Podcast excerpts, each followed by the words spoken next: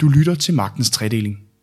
En podcast, der sætter spot på de udviklinger, der præger vores samfund, og som sætter dem i et juridisk perspektiv. Now, it is incumbent upon us lawyers not to just talk about the truth, but to actually seek it, to find it, to live it.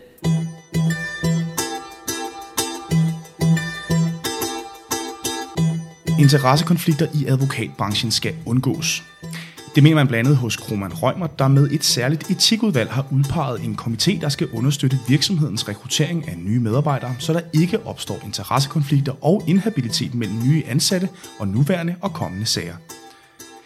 Men er inhabilitet overhovedet så stor en udfordring, at der er behov for et decideret udvalg til at kontrollere det? Eller er det blot en storm i et glas vand og et område, der er en naturlig konsekvens af et dynamisk og flydende arbejdsmarked? I denne uges program, der tager vi temperaturen på advokatbranchens fokus på inhabilitet og stiller spørgsmålet om, hvorvidt det overhovedet giver mening i fremtiden at fastholde det store fokus på området. Mit navn det er Rasmus Hylleberg. Det her det er Magtens Tredeling, og velkommen til.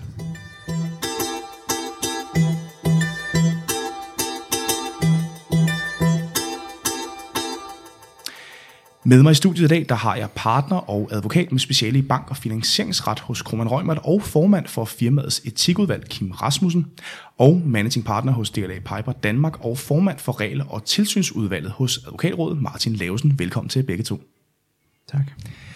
Som altid så bryder vi lige isen med et lille postulat. I denne uge lyder det således. Interessekonflikter har reelt aldrig haft konkret betydning for et advokatfirmas sagsbehandling. Hvem vil have lov at starte på den? Ja, Kim? Øh, Det vil jeg sige, det postulat, det passer ikke. Øh, Vi er i en situation med den størrelse, vi har, hvor vi i høj grad i rigtig mange store sager må sige nej tak til et opdrag. Også hvor vi i virkeligheden har klienter på begge sider af bordet, som gerne vil bruge os. Øh, Og hvis vi kunne etablere det, der kaldes Chinese Walls, så ville de antage os. Men på grund af de advokatetiske regler, vi har, så kan vi ikke gøre det, og så siger vi nej tak til de sager. Martin, kan du ikke genkende det? Jamen, jeg er helt enig, at, øh, at det har betydning for den måde, man driver sin advokatvirksomhed på. Når man så først har taget sagen, øh, så har det selvfølgelig ikke betydning for selve sagsbehandlingen, men det har betydning i, når man vurderer, om man kan tage en sag. Og så kan jeg til at sige til Kim, jeg er lige kommet hjem fra USA, hvor vi også snakkede om Chinese Wall, så det må man ikke kalde det mere derovre. Det hedder nu etiske øh, vægge øh, i disse øh, tider. Så meget for en handelskrig. Øhm, Kim, lad os starte sådan helt overordnet. Hvor stort et problem udgør inhabilitet øh, generelt i advokatbranchen? Altså, jeg ved ikke, om det udgør et, et, et stort problem. Det vil jeg ikke sige, det gør. Det er jo nogle regler, der, er, der har galt, tror jeg, i, i ganske mange år. Altså, jeg vil ikke sige 100, men måske i 100 år. Og jeg tror egentlig også, de stammer fra USA øh, oprindeligt. Øh, hvis man kigger på antallet af de sager, der har været indbragt for advokatnævnet de sidste øh, 6-7 år, så er det ikke steget. Det ligger omkring 12-1300 øh, sager om året. Men jeg tror, vi måske også har set, eller vi har i hvert fald oplevet som kontor, at, at der har været øh, nogle sager, der har været indbragt øh, altså mellem de store kontorer, hvor, hvor, øh, hvor man ikke havde set den slags klager før, hvor det egentlig bruges som en led i, i, i sagsførelsen. Øh, så derfor så er der måske kommet mere fokus på det, på det punkt. Øh, Et andet punkt, hvor der er kommet lidt mere fokus på det, i hvert fald set med vores øjne, det er med, med nyansættelser af, af jurister, øh, hvor vi eh, måske ikke tidligere har været så opmærksom på, at, at vi blev nødt til at screene, om de havde siddet med nogle sager, hvor de kunne have fået noget fortrolig viden, der kunne medføre en interessekonflikt. Martin, hvorfor øh, fylder øh, det her fokus på interessekonflikter og inhabilitet særlig meget i advokatbranchen, tror du? Øh, jamen det tror jeg, det gør, fordi at vi er en del af et retssamfund, og i det retssamfund, der har øh, advokaterne en vigtig rolle. Øh, og øh, for at vi som advokater kan opretholde den her rolle i retssamfundet, så er det vigtigt, at øh, klienterne har en oplevelse af, at vi er deres mand, og vi er øh, 100% øh, deres mand, øh, øh, og de kan opleve os som en uafhængig rådgiver. Og derfor er det selvfølgelig vigtigt, at øh, vi også fremstår sådan udadtil.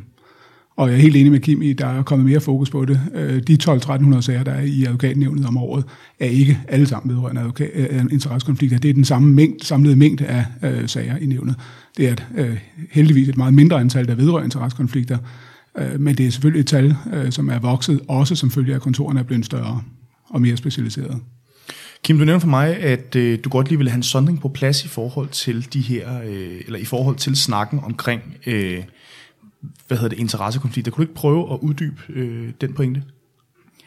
Jo, altså vi, vi har jo flere typer, men, men, men for eksempel har vi, øh, hvad jeg kalder almindelige interessekonflikter øh, mellem klienter, øh, eller mulige klienter, hvor, hvor, øh, hvor vi bliver nødt til at sige nej tak til, øh, til et opdrag, eller i, i meget få tilfælde bliver nødt til at træde ud af en sag, fordi der er opstået noget nyt. Og her taler du om, øh, om, altså om at, øh, altså at det er jeres klientbase, der simpelthen har interessekonflikter med hinanden. Det er vores klientbase, ja. eller de sager, som klienterne sender, der, mm. hvor der kan være nogle modstridende interesser, øh, der gør, at, at vi ikke kan tage sagen på den ene side, eller i sjældne tilfælde må træde ud. Men så øh, har vi jo også oplevet øh, en, en ny praksis øh, omkring øh, jurister, der skifter kontor. Øh, hvis man på det ene kontor har siddet og repræsenteret en, en modpart til os, og så skifter man over til os, så kan det udgøre en interessekonflikt, og det er noget, der er fastslået af nævnet, og også senere af, af Østre Landsret faktisk. Øh, og det tror jeg ikke, der har været så meget fokus på i branchen, før øh, der kom de her afgørelser. Øh, og i den konkrete tilfælde, så øh, gjorde det også, at advokatkontoret blev inhabil ved at ansætte den pågældende jurist. Og derfor har vi fundet det nødvendigt, at vi øh, altså stiller øh, nyansatte hos os. Vi stiller det ikke kun til jurister, men faktisk til alle, om de tror, de har noget fortrolig viden øh, i relation til sager, som Kroman Rømert behandler. Sådan at vi kan vurdere, om det er rigtigt at ansætte juristen, eller om vi skal, hvis juristen siger, de har fortrolig viden, skal træde ud af en sag. Ja, for I har jo et særligt etikudvalg, der ligesom skal, hvad skal man sige, screene nye medarbejdere øh, i forhold til at undgå den her inhabilitet. Kunne du prøve at, øh, at fortælle lidt om, hvordan I sådan helt konkret arbejder med at undgå de her interessekonflikter? Jamen altså helt generelt, så vil jeg jo sige, at vi har et, et ret avanceret registreringssystem, hvor vi registrerer øh, alle klienter selvfølgelig, og alle sager med, hvad sagen vedrører. Øh, og, og derudover så registrerer vi faktisk også, øh, øh hvad vi kalder indirekte parter til sagen, altså Øh, Øh, parter, der kan have betydning for vurderingen af en interessekonflikt. Og, og det er så enhver partners pligt, når man får en ny sag, at tjekke det her system og vurdere, om der er en interessekonflikt, og så løse det måske med den pågældende anden partner, der kan have et problem. Og hvis de så ikke umiddelbart er enige, eller det er noget mere principielt, så skal de komme til vores etikudvalg, og så, øh, som består af fem partnere, og øh, så skal de i hvert fald tale med to af os, og så finder vi ud af at afgøre eventuelt, om øh, vi kan tage sagen eller ikke tage sagen, eller på hvilke betingelser vi kan tage sagen. Og nu startede du med at sige, at, øh, er det overhovedet nødvendigt at have sådan et udvalg, og det kan man jo sige, det er det måske ikke, for det var jo rart at kunne debitere sine timer til klienterne, og det her timer, vi ikke kan debitere. Øh, men, men vi har jo haft udvalget i, tror jeg, snart 20 år, og jeg tror, hvis man spørger øh, de andre partnere på kontoret, så tror jeg faktisk, at alle sætter pris på, at vi har udvalget. Altså vi bliver jo også brugt som rådgivende udvalg på, på etiske spørgsmål generelt, så ikke kun om interessekonflikter, men det er interessekonflikter, der optager en hel del af vores arbejde.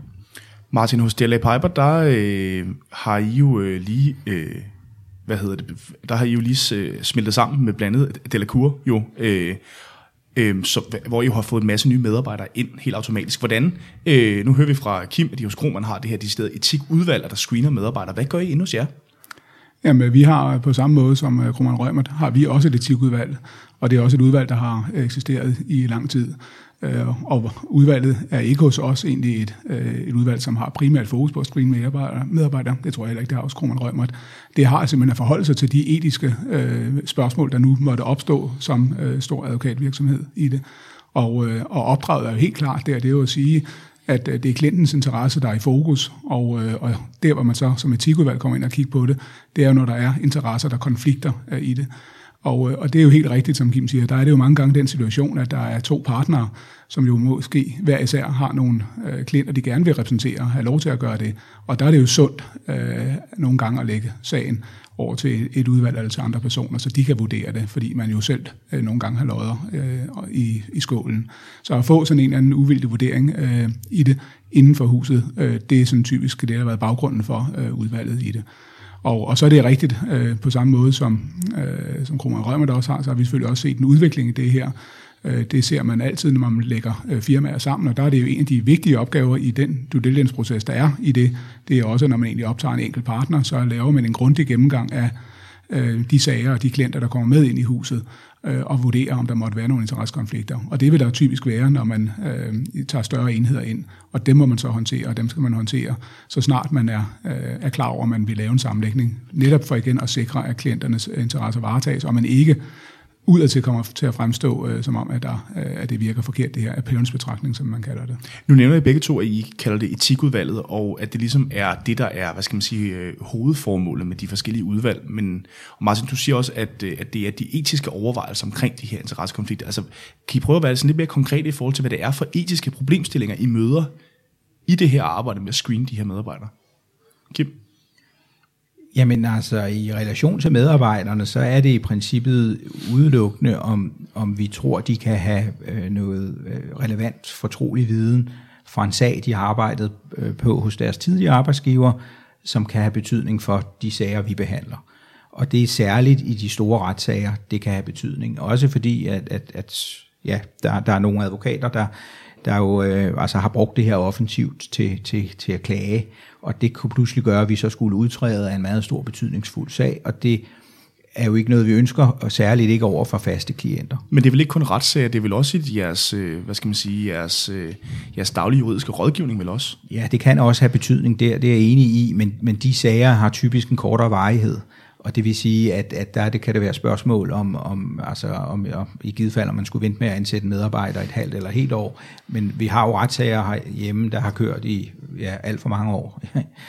øh, og, og, og, og der kan man ikke pludselig skifte advokat øh, midt i det hele. Det vil klienten jo øh, tage meget ilde op, ikke? Og omkostningerne til at skifte til et advokatskifte vil også være enormt store. Mm. Man kan jo sige, at grunden til, at man har de her regler omkring øh, interessekonflikter, det er jo øh, for blandt andet at sikre, at, øh, at det her sådan våbendragerhensyn, man kalder det, altså at man jo kun repræsenterer sin ridder, om jeg så må sige, og er vedkommende, så man ikke ender med i, sådan, i den helt øh, ekstreme situation at stå nede i en retssal, hvor ens modpart er repræsenteret af ens kompagnon øh, i det. Og så er det jo, øh, et af de andre hensyn, det er jo øh, fortrolighedshensynet af den her viden, som man bærer med sig, og øh, som jo gælder øh, øh, alle de oplysninger, man nu måtte have fået omkring øh, virket som advokat, om, og egentlig gælder øh, altid, at, øh, at man ikke kommer til at krænke den øh, i det. Og det er jo de hensyn, man varetager, og dem er man jo så også nødt til i den verden, vi har i dag, øh, også at varetage, når man nu rekrutterer nye medarbejdere i det. Og det tror jeg også er en følge af den specialisering, der er sket, at i dag allerede unge medarbejdere bliver ret øh, tidligt specialiseret ind i nogle faste øh, enheder og, og vælger så for eksempel at sige, at man er procesadvokat. Og der vil man så skifte over til, det vil typisk også være en procesafdeling, og så er det, man kan få en, en øh, udfordring. Ja, fordi der er jo, øh, vi ser jo ekstremt stor udskiftning i branchen, øh, både på partnerniveau, men også på advokatniveau og på fuldmægtigniveau. Øhm, så er det overhovedet realistisk øh, at undgå interessekonflikter og inhabilitet i en branche, hvor at der er så stor øh, udskiftning og øh, hoppen rundt på de forskellige afdelinger? Nej, vi kan, vi kan ikke undgå det, og, øh, og det er jo også derfor, vi har de her udvalg, det er også derfor, vi forholder os til det øh, i det. Og det er jo øh, helt, helt rigtigt, at vi, øh, der er jo sager, vi må sige nej til, og det gør da ondt at sige nej til nogle af de sager. Men så må man så håbe på, at de andre firmaer har den samme høje grad af etik, og så også derved kommer man til at sige nej, og man så i bund og grund vinder lidt på gyngerne, som man tager på karusellerne, og derved holder fanen højt som branche. Enig. Øh, det gør jo også ondt at sige nej til en god medarbejder, øh, som øh, særlig en, der har ancienitet og er uddannet og kan træde lige ind og lave sagsbehandling, og som måske gerne, altså, som gerne vil arbejde hos en. Men, men, men sådan er vilkårene altså blevet, og det er jo selvfølgelig størst, tror jeg, for de, altså de jurister med en vis ancienitet, der har lavet selvstændig sagsbehandling. Og det tror også, det er størst problem for de jurister, der har siddet og beskæftiget sig, eller beskæftiger sig med retssager. Det er i hvert fald også de sager, der har været øh, konkret. Det er typisk øh, retssager i det. Og det er også der, hvor man måske øh, har oplevet det her lidt drilleri mellem advokatkontorerne som led i den procesførelse, der har været. Kim, du nævnte før, at I jo øh, allerhelst, og jeg tror, at Martin deler det synspunkt, at I jo allerhelst vil bruge timerne på at øh, arbejde for jeres kunder, altså debiterbare timer, men mærker I, at det her øget fokus på de her interessekonflikter går ud over jeres daglige rådgivning? altså jeg mener ikke, det går ud over vores daglige rådgivning på nogen måde, men, men det gør, at vi skal bruge flere interne ressourcer, øh, både altså, øh, hos alle sagsbehandlende jurister, fordi alle skal være øh, fuldstændig ops på de her regler, og øh, der kan opstå nogle, nogle tvivlstilfælde midt i sagsbehandlingen, så på den måde Øh, det går ikke ud over sagsbehandlingen, men der skal være meget fokus på det. Hvor langt skal man gå tilbage? Altså, øh, fordi at, øh, nu siger du, at, øh, at man kan risikere at stå i situationer, hvor man er nødt til at vente halve eller hele år med at ansætte, hvad hedder det, øh, nye partner eller advokater, men øh, altså, hvor, langt, hvor mange år skal, man gå tilbage i tiden for at undgå de her interessekonflikter? Jamen, det tror jeg er svært at give øh, noget sådan fast svar på, men lige for at følge op på, øh, på de spørgsmål før, så ser jeg det egentlig ikke som ærgerlig tid at bruge. Altså der, hvor jeg ser det som rigtig ærgerlig tid, det er, hvis vi ikke får lavet den screening, når vi får sagen. For der er ikke noget værre end at øh, efterfølgende konstatere, at man er i en interessekonflikt, og så skal agere på det. Øh, det er meget lettere at tage det op front, og det er jo derfor, vi har de her udvalg, det er derfor, vi har de her processer. Det er jo netop for at sikre, at vi ikke kommer i det. Ja, for hvad gør man så? Altså hvis man pludselig finder sig lige midt i en sag, og finder ud af, at der faktisk er en interessekonflikt, hvad gør man så helt praktisk? Så håndterer man det professionelt, og det er typisk at udtræde, i hvert fald over for den ene, øh, over for den ene klient, og ofte også udtræde over for begge klienter. Og det er endnu mere øv, end at, træde, end at sige nej til sagen, øh, fordi man så er relativt langt øh, hen i forløbet. Det giver en, en øh, utilfreds klient, og rent på salæret kan det også betyde, at man, øh, man egentlig ikke får, øh, får penge for det, man har lavet. Så derfor er rettidig omhu også i den her sammenhæng er vigtigt, og derfor er det også et prioriteret område, øh, i hvert fald hos os. Og det samme er hos os. Altså, der er ikke noget værre end at skulle træde ud af en sag, man er øh, påbegyndt. Og ikke for nogen parter, hverken for klienterne eller for os selv. Inden vi går videre, så vil jeg gerne slå et slag for øh, magtens tredeling på iTunes. Hvis du øh, ligesom os øh, er helt vilde med programmet, så øh, vil vi blive rigtig glade, hvis du går ind og giver os en rating. Martin, du har som øh, hvad hedder det, formand for, øh, for regler til udvalget hos Advokatrådet blandt andet øh, kommenteret på anden udgave af de advokatetiske regler, som blandt andet indeholder reglerne for interessekonflikter. Og de her advokatetiske regler øh, er, som så mange andre etiske regler, jo til at fortolke. Øhm, spørgsmålet er, øh, bør reglerne for interessekonflikter reguleres ved lov? Jamen, i bund og grund kan man sige, at, øh, at de advokatetiske regler er kun vejledende regler. Det er altså ikke øh, noget, man kan øh, støttes op og sige, at det her det er øh, skrevet i sten i det. Det er advokatrådets opfattelse af, hvordan situationen er inden for en række forskellige områder, herunder også interessekonflikter. Det vi som advokater er underlagt af lovgrundlag, det er retsplejeloven, og det er retsplejelovens paragraf 126 stykke 1, hvor der står, at vi skal øh, udvise god advokatskik. Og øh, i det at udvise god advokatskik, der ligger og også, at vi selvfølgelig øh, skal øh, agere i overensstemmelse med reglerne omkring interessekonflikter, og ikke må øh, tage sager, for der opstår konflikt i det. Og det er jo rigtigt, som vi også snakkede om før, det giver jo udfordringer nogle gange øh, i det. Men det er altså øh, nødvendigt at have de her regler, for at vi kan opretholde den tillid, der er til, øh, til advokater blandt øh, vores øh, kunder i det. Og det er baggrunden for reglerne, så vi kan fungere som den her uafhængige rådgiver, den øh, trusted advisor for øh, klienten. Men bør man regulere det ved lov? Jamen, som sagt, jeg mener, det er reguleret ved lov. Det er reguleret via retsplanlovens 126 stykke 1, og advokatrådet har så i de advokatetiske regler øh, kommet med deres øh, oplæg til, hvordan man skal håndtere det, og der er en relativ øh, detaljeret beskrivelse i, hvad for nogle situationer, der er øh, ubetingede øh, interessekonflikter, og hvad for nogle, der er betinget, hvor man i et vist omfang kan opnå samtykke og komme ud af det. Så der er, øh, jeg mener, der er den regulering, der skal være, og det er jo en dynamisk regulering. Øh, den bliver, øh, advokatrådet kigger jo jævnligt på det her, så hvis der kommer øh, nye øh, domstolsafgørelser eller ny praksis fra advokatnævnet, jamen så er det da muligt, at man øh, kommer til at tilpasse reglerne. Vi har lige her på 1. oktober øh, ændret de advokatetiske regler øh, på nogle punkter, ikke omkring interessekonflikter, men på andre punkter. Er du enig i, øh, i den betragtning, Kim, at, at reglerne ligesom øh, er, øh, hvad skal man sige, mejslet godt nok ud? Ja, jeg er enig i den måde, det er bygget op på, at det er advokatrådet, der altså kommer med de her vejledende regler, og så er det jo også op til nævnet og til domstolene at fortolke dem. Så, så det er jeg faktisk enig i. Jeg er måske ikke helt enig i alt det, der står i reglerne. Jeg synes måske, at der godt kunne være en opblødning, som også er i tråd med den udvikling, der er i samfundet. Kunne du prøve at, øh, at være lidt mere konkret i den?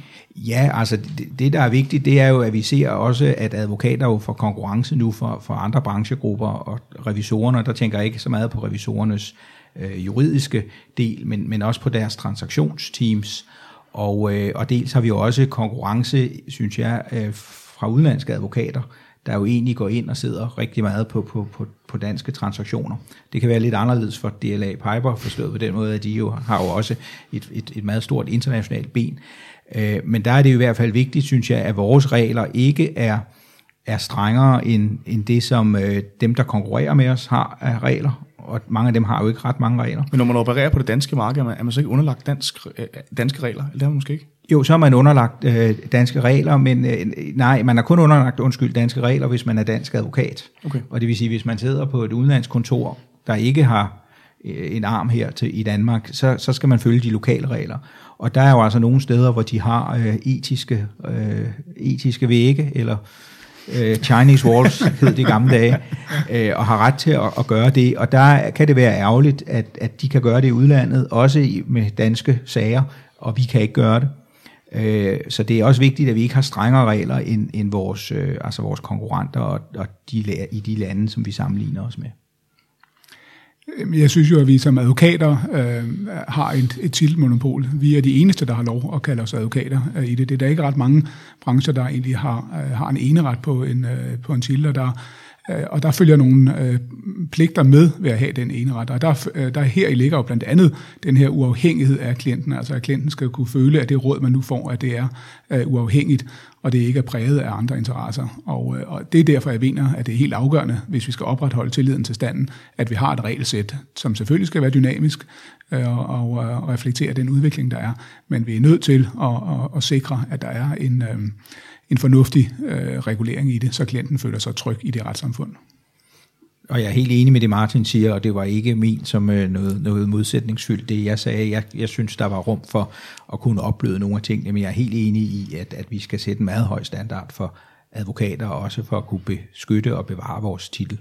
Nu og som, øh, som Kim siger, så er vi jo blevet en del af en international advokatkæde, og, øh, og det betyder jo også, at i og med, at vi nu brander os via DLA Piper-navnet, Øh, så er vi faktisk underlagt de samme regler, som der gælder i i Sverige, i England, i, øh, i Afrika og ikke mindst i USA, som jo har meget mere restriktive regler omkring øh, øh, interessekonflikter i det.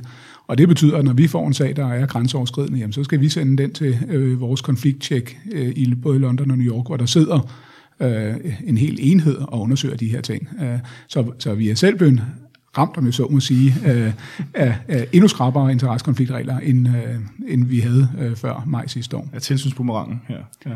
Ja, bare det at være en del af det, ja. fordi, øh, og det er jo det samme som advokatkæderne her i Danmark øh, oplever, det er jo, at man øh, udadtil fremstår som en enhed, og det må man selvfølgelig respektere. Det er jo den her appearance-betragtning. Nu taler vi meget om advokater i den her sammenhæng, men der er jo også andre faggrupper, og advokater øh, eller advokatfirmaer over bred kamp øh, ansætter jo også alt fra akademikere til teknikere, til koder, til kommunikationsfolk, til alt muligt andet. Øh, bør de her faggrupper også være omfattet af de her inhabilitetsregler? Man kan sige, at de advokatiske regler, de øh, gælder kun for advokater. Så der er ikke andre medarbejdergrupper på et advokatkontor, der er omfattet af det. Øh, og sådan mener jeg også, det må være. Der må, være, må advokaten acceptere den identifikation, der ligger med sine ansatte i det. Så det er advokaten, der i givet fald øh, kan blive øh, indbragt for advokatnævnet og få en sanktion der. Men det er vel ikke utænkeligt, at en advokatsekretær har været meget, meget tæt på øh, ja, øh, diverse retssager, øh, og, dermed, og der dermed også kan opstå en interessekonflikt her? Jamen det er også rigtigt, og det er der faktisk også efterhånden, øh, om ikke nævnspraksis, så i hvert fald responsumpraksis på fra advokatrådet, og sige, at, øh, at der kan også være en risiko for, at fortrolige oplysninger flyder fra en ikke-juridisk medarbejder øh, i det. Og derfor må man, uden man har som sagt afgørelse på det, kan der øh, sådan konkret godt opstå situationer, hvor man også ikke kun skal sikre sig, at advokatfuldmægtige eller andre, at de ikke smitter det nye advokatfirma, det kommer i. Det kan også godt gælde andre medarbejdergrupper.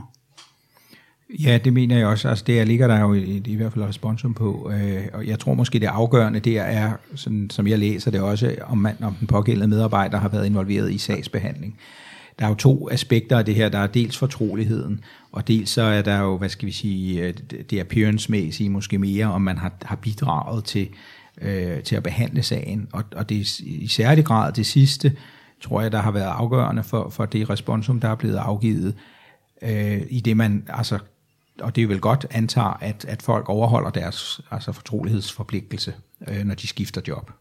Og man kan sige, at deri, øh, selvom en advokatsekretær eller en advokatfuldmægtig ikke er underlagt de advokatiske regler, så er man jo underlagt retsplejeloven og straffelovens bestemmelser, og der er jo også en bestemmelse omkring, at man skal respektere fortrolighed, og overtræder med den, så kan man altså øh, reelt øh, blive strafferetligt forfulgt i det.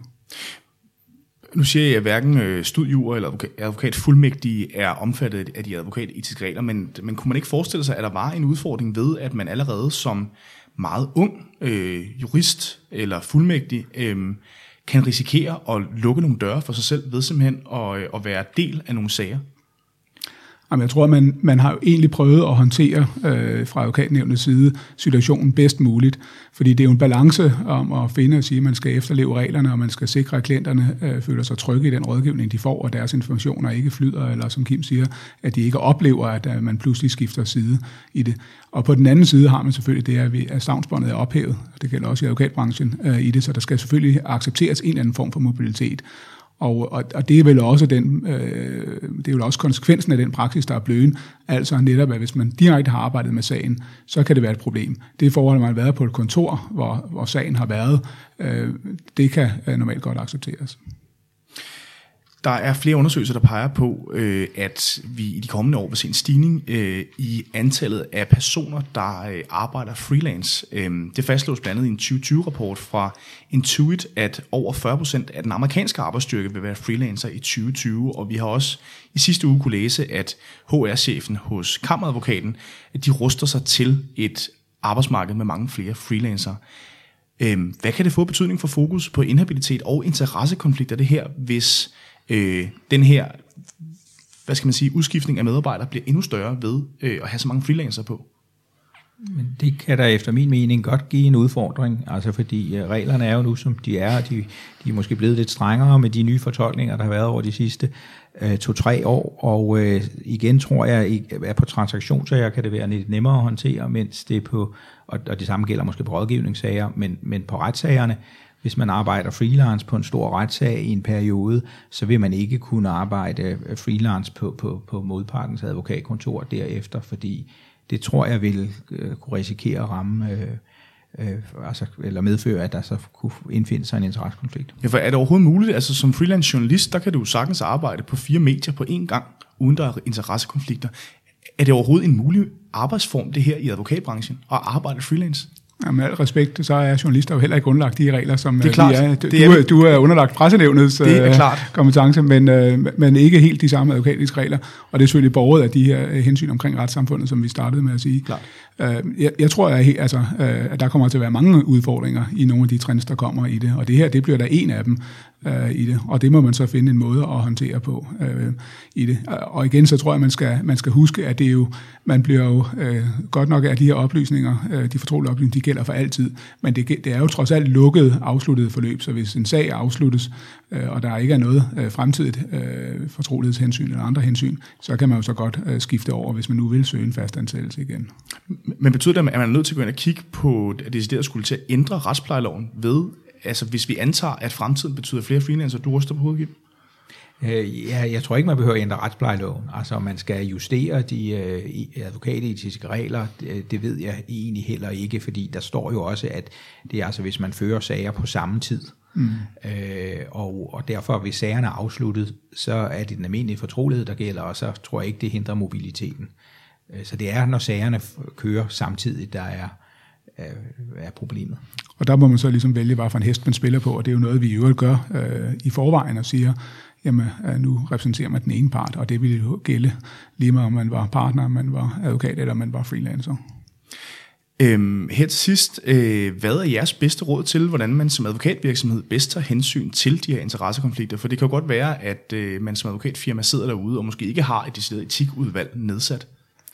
Jamen, jeg tror, det er, det er svært at give noget helt konkret svar på, fordi øh, det afhænger meget af den advokatvirksomhed, man nu er en del af. Hvor stor er den her virksomhed? Hvad for nogle sager er det, man sidder med? Hvad for nogle klienttyper er det, man har? Hvor mange klienter har man i det? Det, der er afgørende, det er jo at lave et regelsæt, som egentlig passer til den advokatvirksomhed, man nu er en del af, så man øh, i bund og grund kan screene de potentielle interessekonflikter, der kommer. Altså at man kan opdage dem i rette tid øh, i det, og det afhænger som sagt af, af den enkelte virksomhed. Hvis de så opstår, de her interessekonflikter, ja, så skal man kunne agere på dem hurtigt, og, hvad hedder det, og, og, og for ofte træde ud af det. Øh, og der må man så ikke være berøringsangst i det. Og der i ligger selvfølgelig også, at man løbende skal, øh, skal uddanne sig, man skal løbende holde sig i med reglerne, man skal også sikre, at man har nogle systemer, øh, der, sikrer, der, kan, der kan assistere med det her, særligt i den her nye tid, hvor der er mulighed for at få de her systemer, og man skal sørge for at uddanne sine, øh, sine medarbejdere. Og så som en servicemeddelelse kan jeg jo sige, også på vegne af advokatrådet, at man er jo altid velkommen til at ringe ind til øh, Kronprinsessegade og, øh, og, og få noget øh, sparring på det punkt, hvis man nu måtte være i tvivl. Og man kan vel også ringe til dig, Kim, hos Kroman Rømert, eller hvordan? Øh, altså jeg vil sige, hvis andre kontorer har, de må gerne ringe og, og spørge, hvordan vores etikudvalg fungerer, men ellers vil jeg også foreslå, at de ringer til nævnet og får øh, lidt vejledning der. Det var også. Men jeg tænker, i fremtiden øh, kunne man vel godt tænke nye digitale systemer, der på en eller anden måde kunne lave den her screening automatisk. Vil, det, altså, vil I være åbne for det? Jamen altså, vi, vi, vi bruger jo øh, altså, øh, så, så meget vi kan af artificial intelligence, øh, også i forbindelse med, med, med vores øh, sagsoprettelsessystem. Øh, så, så meget af det går jo på, altså, hvilken udvikling der er i IT-mæssigt på de her ting, men jeg tror ikke, det kan fjerne den menneskelige behandling, øh, øh, eller det var ganske længe før det kan det, fordi nogle af, af konflikterne er relativt øh, komplekse. Og det tror jeg er helt rigtigt. Altså, vi, øh, vi prøver også selvfølgelig at, at tage de hjælpemidler i brug, der nu måtte være uh, digitalt. Uh, men selv, uh, selv i dag, der sender vi faktisk en, uh, en liste ud med sagsoprettelser uh, og til partnerne. Og uh, mærkeligt nok er der faktisk stadig en hel del af de interesse, potentielle interessekonflikter, der opstår. De, uh, de bliver identificeret via den her liste, og ikke via IT-systemerne. Så jeg er enig i, at uh, heller ikke på det her punkt kan man uh, helt overlade det hele til robotterne. Det er jo altid øh, rart at slutte med øh, et håb til mennesket. Det er sjældent, at vi gør det i det program her, når vi snakker digitalisering. I skal have tusind tak øh, begge to, fordi I havde lyst og tid til at deltage i Magtens Tredeling kan findes på iTunes, eller hvor du ellers finder din podcast.